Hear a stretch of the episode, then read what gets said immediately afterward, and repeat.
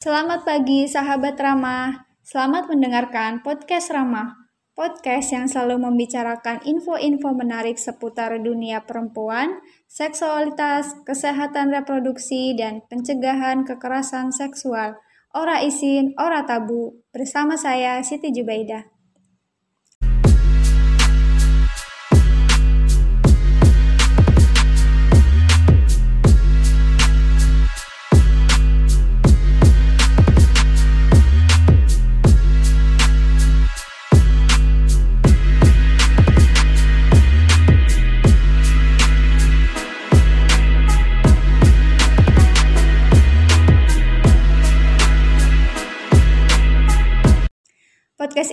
Merupakan bagian dari kegiatan Umarama, sebuah komunitas anak-anak muda yang bergerak untuk memberikan pengetahuan tentang seksualitas, kesehatan reproduksi, dan pencegahan kekerasan seksual. Baiklah, pada edisi kedua kali ini kita akan membahas tentang keragaman seksualitas bersama narasumber saya yang dari tadi udah duduk manis, Mas Napol. Halo Mas Napol, gimana kabarnya? Baik. Baik, baik. Habis maskeran ya, seger. Iya, bareng-bareng sama teman-teman. iya.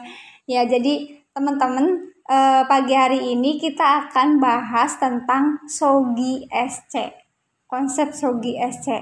Eh, kira-kira Sogi SC itu apa? Terus kepanjangan dari apa? Terus yeah. perspektif Mas Napo sendiri tentang Sogi SC itu seperti apa? Akan dibahas tuntas pagi uh, hari ini bersama Mas Napwal. Ya. Oke langsung aja deh Mas Napwal.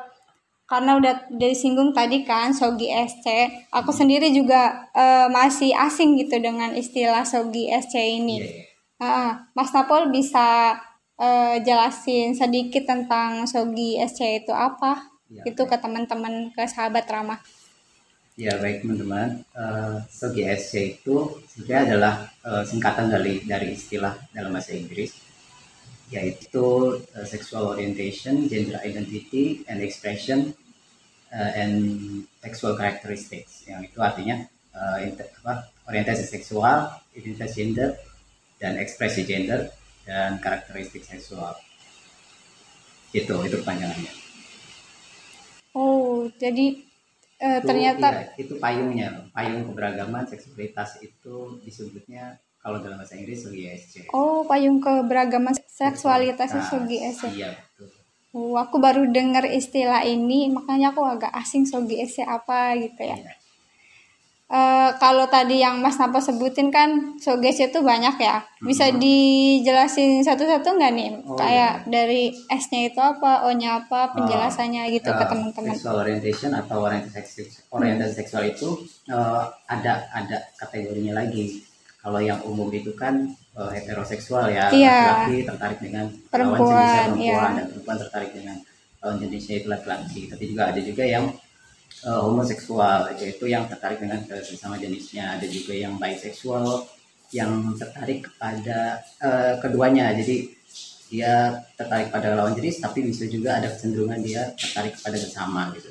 Hmm. itu presentasenya bisa uh, 50-50 bisa 70-20 persen atau uh, 30-70 gitu. Dan itu normal ya?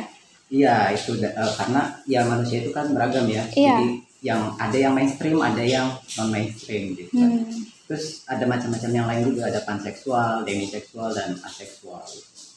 Perlu dijelasin juga nggak nih? Perlu banget. Oh iya. Kalau panseksual itu uh, orang yang uh, secara orientasi atau ketertarikannya itu secara emosi maupun romantis atau secara seksual itu tertarik kepada orang lain yang tidak memandang gender dan hmm, seksualitasnya gitu dia tertarik sama orang ya tertarik sama orangnya aja padanya gitu. Nggak peduli dia itu laki-laki atau perempuan atau transgender atau cisgender atau uh, non binary atau uh, orang panseksual nggak melihat itu gitu. Wah aku baru tahu panseksual ya? Iya disebutnya panseksual. Oh. ada demiseksual itu orang yang perlu waktu lama untuk tertarik pada orang lain. Dia butuh apa ya ikatan emosi yang kuat dulu. Untuk, oh, kayaknya itu aku deh. Oh, oh, gitu ya. Iya itu termasuk dari seksual. Dan aseksual yang tidak punya ketertarikan secara seksual itu bisa dalam masuk kategori aseksual. Aseksual. Oke, menarik banget ya pembahasan tentang uh, SOGSC ini. Oh iya, selanjutnya lagi itu ya, setelah orientasi seksual tadi, uh, selanjutnya ada identitas gender. Itu ya, oh. identitas gender yeah. itu uh, adalah bagaimana seorang itu mengidentifikasi dirinya apakah laki-laki atau perempuan atau non biner atau juga agender. ada juga orang yang uh, mengidentifikasi dirinya itu bukan laki-laki bukan perempuan. Dia dia enggak nggak merasa nggak merasa dirinya itu laki-laki atau perempuan jadi dia lebih nyaman di mengidentifikasi dirinya sebagai uh, agender gitu. Jadi nggak perlu dinamain laki-laki atau perempuan hmm, gitu ya? Iya biasanya kalau dalam bahasa Inggris dia uh, bisa jadi memilih pronoun yang bukan pronoun laki-laki he he he he his him atau perempuan she her hers gitu. Dia lebih suka dipanggil dengan pronoun they dan mereka. Lalu ada selanjutnya itu ekspresi gender ya. Ekspresi gender itu tentang bagaimana uh, seseorang me menampilkan dirinya mengekspresikan gendernya itu ada yang secara maskulin, feminin dan androgen itu jadi ini enggak selalu uh, yang identitas gendernya laki-laki lalu berekspresi gender maskulin atau yang identitasnya perempuan lalu mengekspresikan dirinya feminin. Nggak selalu gitu. Itu yeah. banyak orang-orang yang dia dia laki-laki. Dia dia secara identitas laki-laki tapi dia ekspresinya uh, kemayu lebih feminin kayak gitu banyak dan sebaliknya makanya kita eh, nggak uh, bisa tuh apa berasumsi sendiri gitu yeah. oh dia agak kemayu oh pasti dia homo ya kayaknya gitu mm -hmm. itu nggak bisa itu nggak boleh gitu ya. kita harus uh, tahu dari dirinya sendiri harus tanya kalau bisa secara sopan mungkin ada latar belakang juga ya bis, uh, yang apa yang membuat orang tersebut misalkan jadi penampilannya dari uh, uh, ekspresi. uh, ekspresinya jadi feminin atau maskulin uh, ada ya, latar belakang yang dari kecil udah begitu gitu loh jadi iya. bawaannya memang seperti mm -mm, itu mm oh ya terus setelah ekspresi gender ya sekarang uh, karakteristik seksual itu lebih ke ini sih biologis ada Eh, manusia itu bisa dilihat dari kromosom dan gonadnya. Gonad itu organ reproduksi yang menghasilkan sel kelamin. Jadi kalau biasanya kromosom uh, jantan ya biasanya itu XY, manusia yeah. itu lalu kromosom untuk betina itu XX. Hmm, Tapi hmm. juga ada individu-individu yang uh, non mainstream ya yang jumlahnya lebih sedikit. Dia itu kromosomnya X, XY, ada yang XYY gitu. Sehingga Eh, muncul secara fisiknya itu uh, nggak kayak orang kebanyakan gitu ada oh. yang uh, terlihat dari bentuk kelaminnya yang berbeda gitu ada yang uh, punya uh, dua dua kelamin dan berfungsi dua-duanya ada yang cuma salah satunya aja ada yang uh, lebih dominan. Dua-duanya berfungsi tapi lebih dominan satunya. Gitu. itu uh, oh ini golongannya orang-orang interseksual disebutnya ya. Interseksual? Iya interseksual itu orang dengan karakteristik seksual uh, yang non mainstream. Itu kayak kasusnya kemarin itu atlet yang iya uh, iya iya.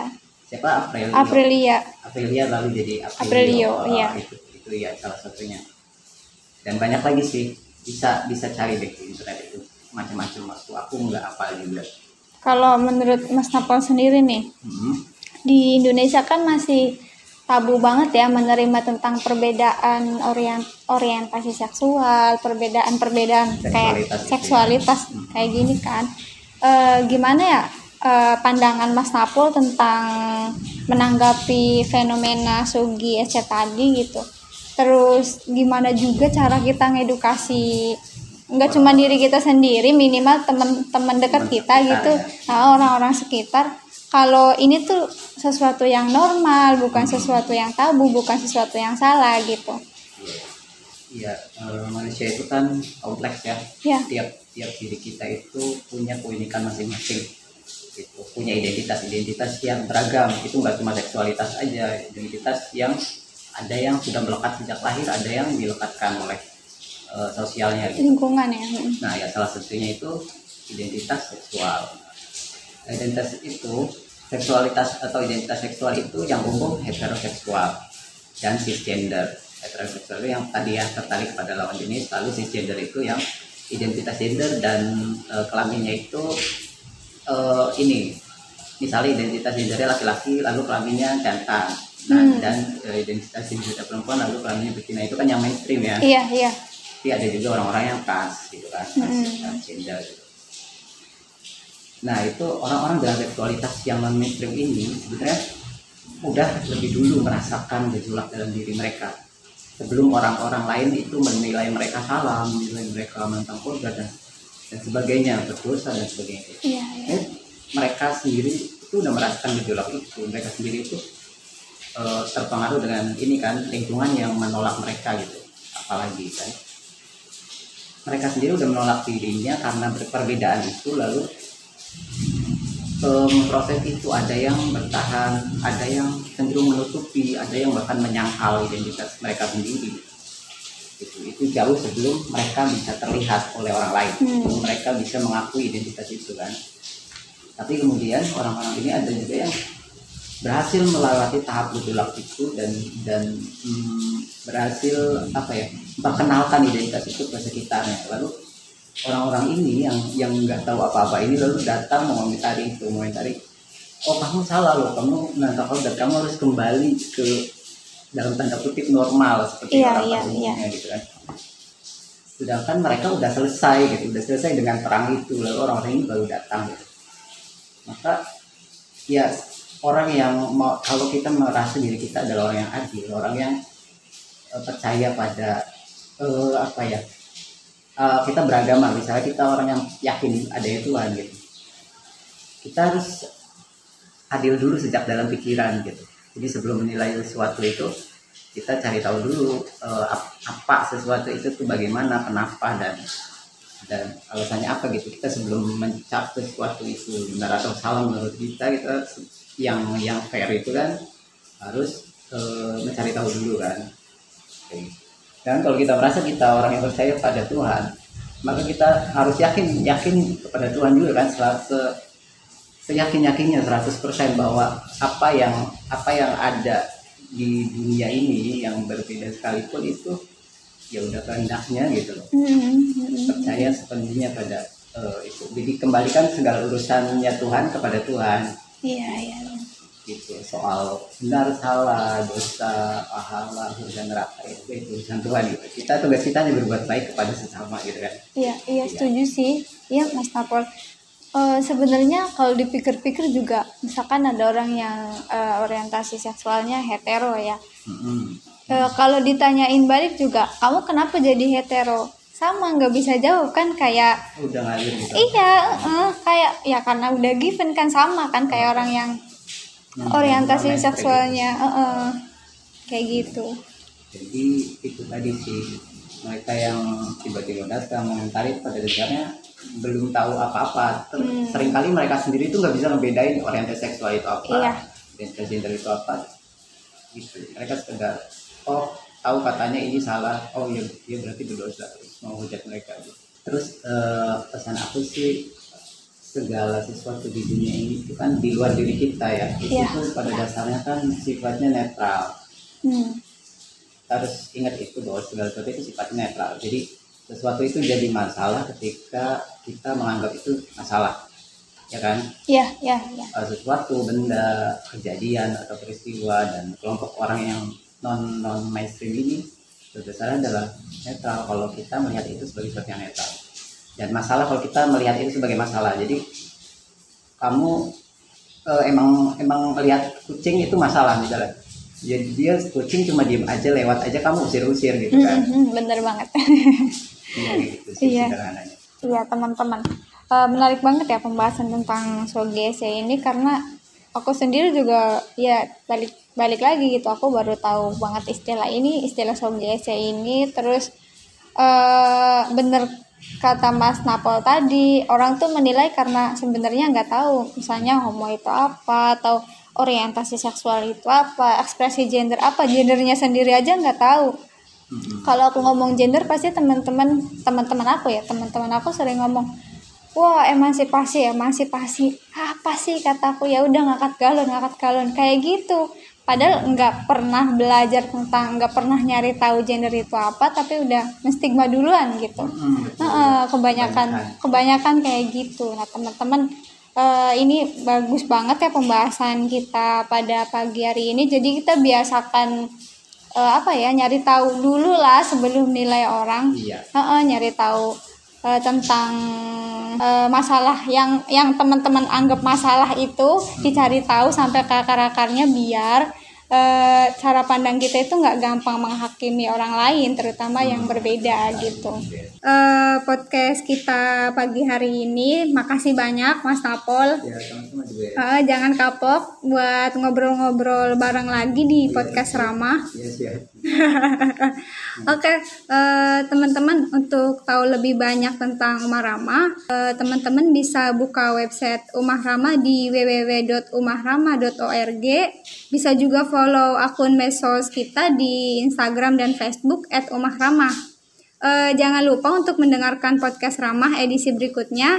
Eh, terus jaga kesehatan dan terus menebar kebaikan kepada semua. Sampai jumpa dan salam ramah. Wassalamualaikum warahmatullahi wabarakatuh.